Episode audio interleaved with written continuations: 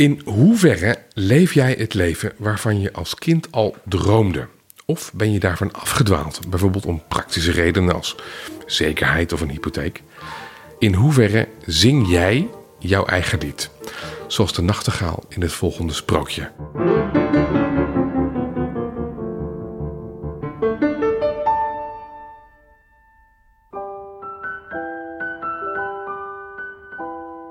Mariska Ruiter, hartelijk welkom. Het sprookje is van Andersen en het is zo populair dat het is vertolkt in theaterstukken, films en musicals. En het staat in de Efteling. Waarom denk jij dat het zo populair is? Dat is een uh, mooie vraag. Um, ik denk dat het een heel actueel thema vertegenwoordigt. Um, steeds meer mensen zie je hun leven omgooien om hun ware droom te volgen. Um, en ondanks dat het aantal mensen wat dat durft te doen steeds groter wordt, zijn er toch ook nog steeds heel veel mensen, inderdaad, uit angst voor die hypotheek, wat jij noemde, uh, die blijven zitten waar ze zitten. En um, ja, dit sprookje laat je zien dat je ware passie uh, niet onderdrukken kunt, want dat dat altijd een weg zal vinden om toch naar buiten te komen. Goed, nou laten we beginnen met en naar luisteren. Mariska, begin met voorlezen alsjeblieft. Er was eens een Chinese keizer met het mooiste paleis van de wereld. Ook in de tuin die bij het paleis hoorde, was alles heel geraffineerd. En hij was zo uitgestrekt dat zelfs de tuinman niet wist waar hij ophield. Als je doorliep, kwam je in een heel mooi bos met hoge bomen en diepe meren. In de takken van de bomen woonde een nachtegaal die zo lieflijk zong dat zelfs de arme visser, die toch zoveel andere dingen te doen had, stil bleef liggen om te luisteren als hij s'nachts zijn netten binnenhaalde en dan de nachtegaal hoorde. Lieve hemel, wat is dat mooi, zei hij. Dan moest hij weer aan het werk en vergat hij de vogel. Maar als hij de volgende nacht weer zong en de visser weer op die plek was, dan zei hij hetzelfde. Lieve hemel, wat is dat mooi. Uit alle landen van de wereld kwamen er reizigers naar de stad van de keizer.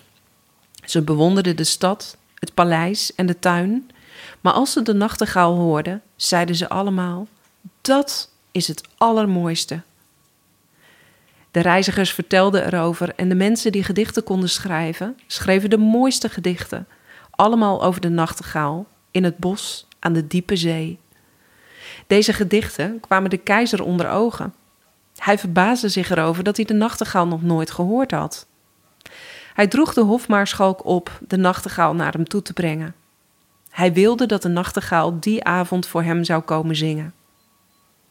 De hofmaarschalk vond in de keuken een meisje die vertelde dat ze de nachtegaal wel kende.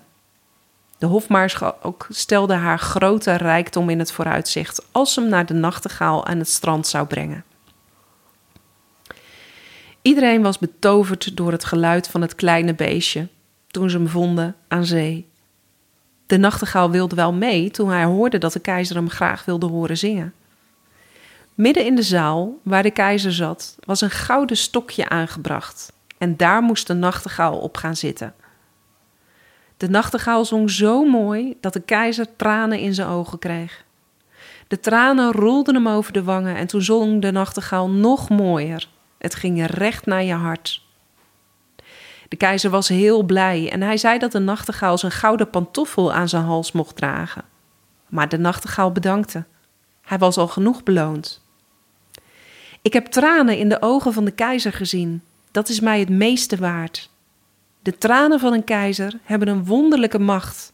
God is mijn getuige dat ik genoeg ben beloond. En toen zong hij weer met zijn mooie lieflijke stem. De nachtegaal moest aan het hof blijven. Hij kreeg zijn eigen kooi, als mede de vrijheid om twee keer op een dag en één keer s'nachts uit te gaan. Twaalf dinaren kreeg hij mee. Die hadden allemaal een zijden lint aan zijn poot gebonden en dat hielden ze goed vast. Een dergelijk uitstapje, daar was niks aan. Op een dag kwam er een groot pakket voor de keizer. Er stond op geschreven: Nachtegaal. Het was een namaaknachtegaal die op de levende moest lijken, maar die helemaal bezet was met diamanten, robijnen en saffieren. Zodra je die kunstvogel opwond, kon hij een van de wijsjes zingen die de echte ook zong. En dan ging zijn staart op en neer en die glinsterde van het zilver en het goud. Er zat een lintje om zijn hals en daarop stond geschreven: De nachtegaal van de keizer van Japan is armzalig vergeleken bij die van de keizer van China. Hij is prachtig, zei iedereen. Nu moeten ze samen zingen. Wat een duet zal dat gaan worden. En toen moesten de vogels samen zingen, maar dat wilde niet echt lukken, want de echte nachtegaal zong op zijn manier en de kunstvogel liep op radertjes. Die treft geen blaam, zei de kapelmeester. Hij houdt heel goed maat en hij behoort tot mijn school. De kunstvogel mocht alleen zingen. Hij had net zoveel succes als de echte en daarnaast was hij ook zoveel aardiger om te zien, want hij blonk als armbanden en brosjes.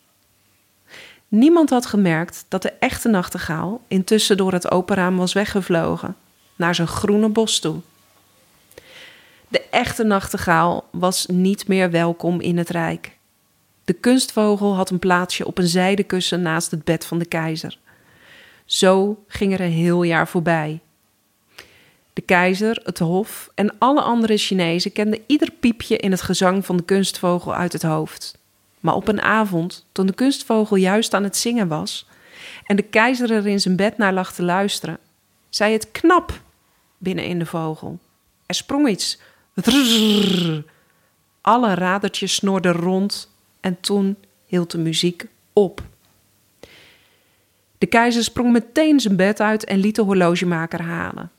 Die kreeg de vogel min of meer gerepareerd, maar hij zei dat hij ontzien moest worden, want de tandwieltjes waren versleten en het was onmogelijk om er nog nieuwe in te zetten. Nog maar één keer per jaar durfden ze de kunstvogel te laten zingen, en dat was niet om aan te horen. Er gingen vijf jaar voorbij en alle mensen in het hele land hadden groot verdriet, want eigenlijk hielden ze allemaal van hun keizer. Maar de keizer was ziek en hij moest sterven, zeiden ze. Ze hadden al een nieuwe keizer gekozen en de mensen stonden op straat en vroegen aan de hofmaarschalk hoe hun keizer het maakte. De keizer was op dat moment nog niet dood. Stijf en bleek lag hij in zijn prachtige bed met de lange fluwelen gordijnen en de zware gouden kwasten. Er stond een raampje open, laag in de muur, en de maan scheen op de keizer en op de kunstvogel. De arme keizer kon nu bijna geen lucht meer krijgen. Het leek wel of er iets op zijn borst drukte. Langzaam sloeg hij zijn ogen op en toen zag hij dat de dood op zijn borst zat en zijn gouden kroon had opgezet. In zijn ene hand had hij de gouden sabel van de keizer, in de andere zijn prachtige vaandel. Uit de plooien van de fluwelen bedgordijnen staken overal rare hoofden, sommige heel akelig, andere heel zacht en vriendelijk. Dat waren alle goede en slechte daden van de keizer die hem aankeken terwijl de dood op zijn hart zat. Muziek, muziek, schreeuwde de keizer. Lieve zoete gouden vogel, zing dan, zing dan toch. Ik heb je goud en kostbaarheden gegeven. Ik heb je persoonlijk mijn gouden pantoffel om de hals gehangen. Zing dan toch, zing dan toch voordat ik sterf. Maar de vogel bleef zitten. Er was niemand om hem op te winden en uit zichzelf zong hij niet. De dood bleef de keizer met zijn grote lege oogkassen aankijken en het was er heel stil verschrikkelijk stil. Op dat moment klonk er bij het raam een prachtig gezang. Het was de kleine levende nachtegaal die buiten op een tak zat. Hij had van de nood van de keizer gehoord en daarom was hij gekomen om hem hoop en troost toe te zingen. Onder het zingen werden de gestalten steeds bleker. Het bloed ging sneller stromen in de zwakke ledematen van de keizer en de dood luisterde mee en zei: Ga door, nachtegaaltje, ga door. De dood raakte zo afgeleid door het gezang van de nachtegaal dat hij als een koude witte mist het raam uitzweefde. Dank je wel, dank je wel, zei de keizer. Hemelse vogel, ik ken je nog wel. Ik heb je uit mijn rijk verjaagd. En toch heb je die boze gestalte bij mijn bed verjaagd en de dood van mijn hart afgekregen. Hoe kan ik je belonen? Je hebt me al beloond, zei de nachtegaal. Ik heb tranen in je ogen gezien. De eerste keer dat ik zong, dat vergeet ik nooit. Dat zijn juwelen die het hart van een zanger goed doen. Maar probeer nu wat te slapen om weer gezond en sterk te worden. Dan zal ik nog voor je zingen. De zon scheen door het raam bij hem naar binnen toen hij gesterkt en gezond wakker werd. Je moet altijd bij me blijven, zei de keizer. Je hoeft alleen maar te zingen als je zelf wil. En de kunstvogel, die sla ik in duizend stukken. Doe dat nou niet, zei de nachtegaal. De kunstvogel heeft gedaan wat hij kon. Hou hem gewoon. Ik kan niet meer in het paleis komen wonen. Maar laat me maar komen als ik zelf zin heb.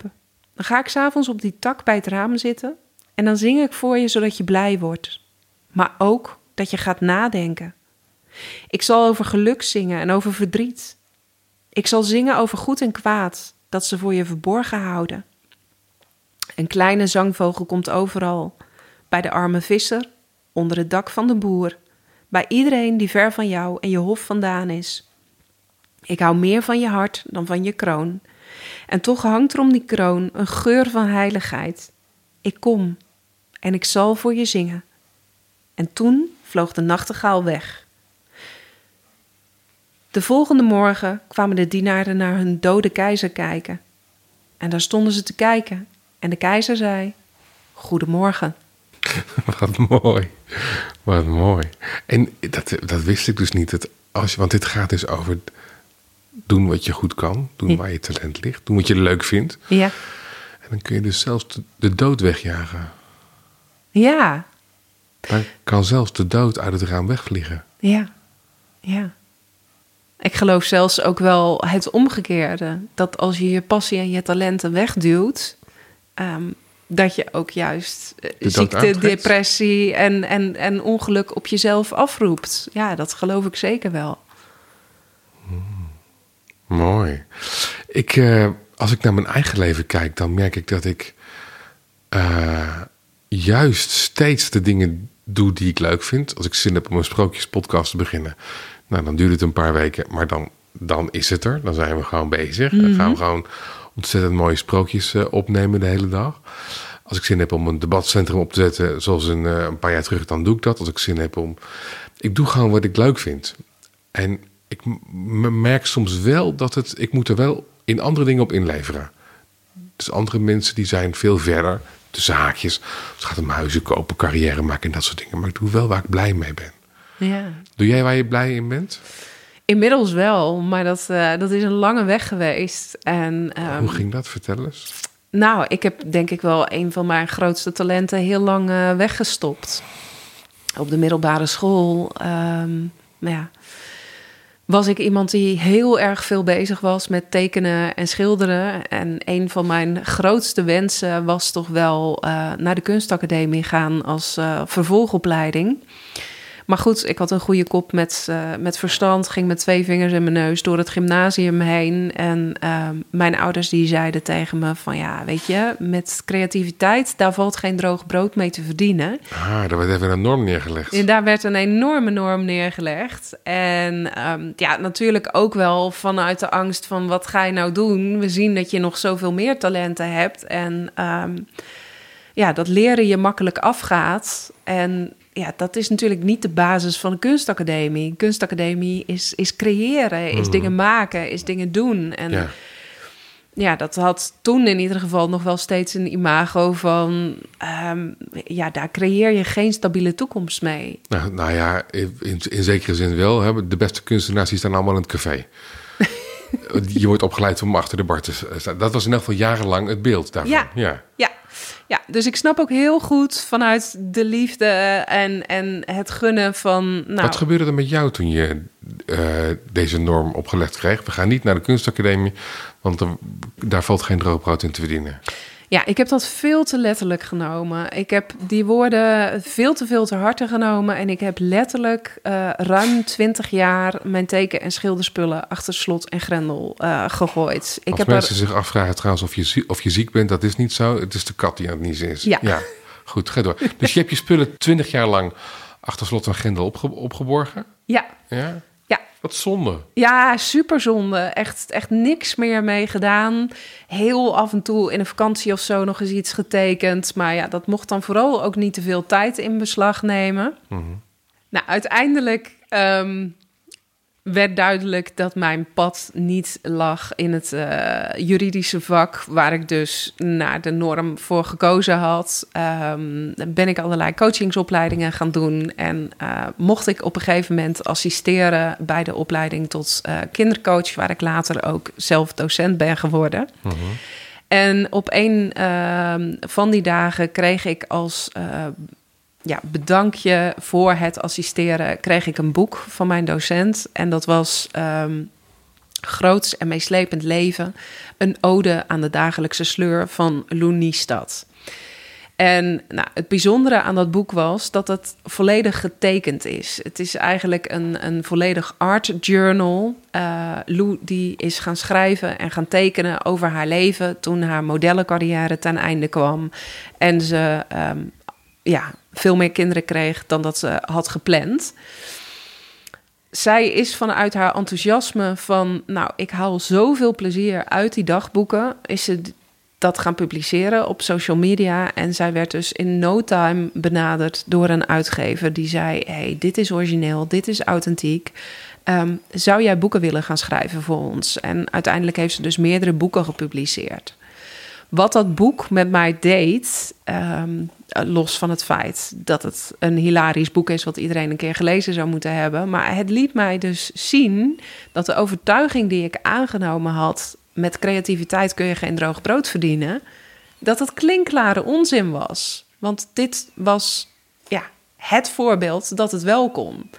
En nou, Lou is ook letterlijk de aanjager dus geweest voor mij om eens te gaan onderzoeken. Wat gebeurt er als ik mijn teken- en schilderspullen weer um, uit het stof haal en daar weer dingen mee ga doen. En wat heeft het je opgeleverd? En wat heeft het mij opgeleverd? Nou, uiteindelijk business-wise uh, heel veel. Want um, ik ontwierp een coachkaartenset, wat uiteindelijk heel erg succesvol is geweest.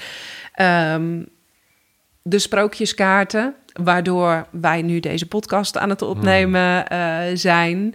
En um, ja, doordat mijn creativiteit weer volledig mocht worden benut, um, ja, bewandel ik ook wel andere wegen uh, met mijn coaches dan dat ik eerder zou hebben gedaan. Eigenlijk is, is alles geopend en is er en zakelijk veel meer ja. gaan, uh, gaan stromen dan, dan dat ik voor mogelijk hield. Ja, en ook mijn eerste boek heb ik zelf geïllustreerd. Ja, hoe cool is dat om, om te kunnen zeggen van... Uh, dat wat je zo lang had weggestopt, ja. daar bleek uiteindelijk een heel groot talent in te zitten. Ja. En iets waardoor het ook echt weer kon gaan stromen. Ja. Wat bijzonder. Ja. Dat is allemaal wat de Chinese nachtegaal ons leert. Zeker. Een sprookje van uh, Andersen. Dit was de aflevering die ging over de Chinese nachtegaal in de Sprookjespodcast. Dankjewel voor het luisteren.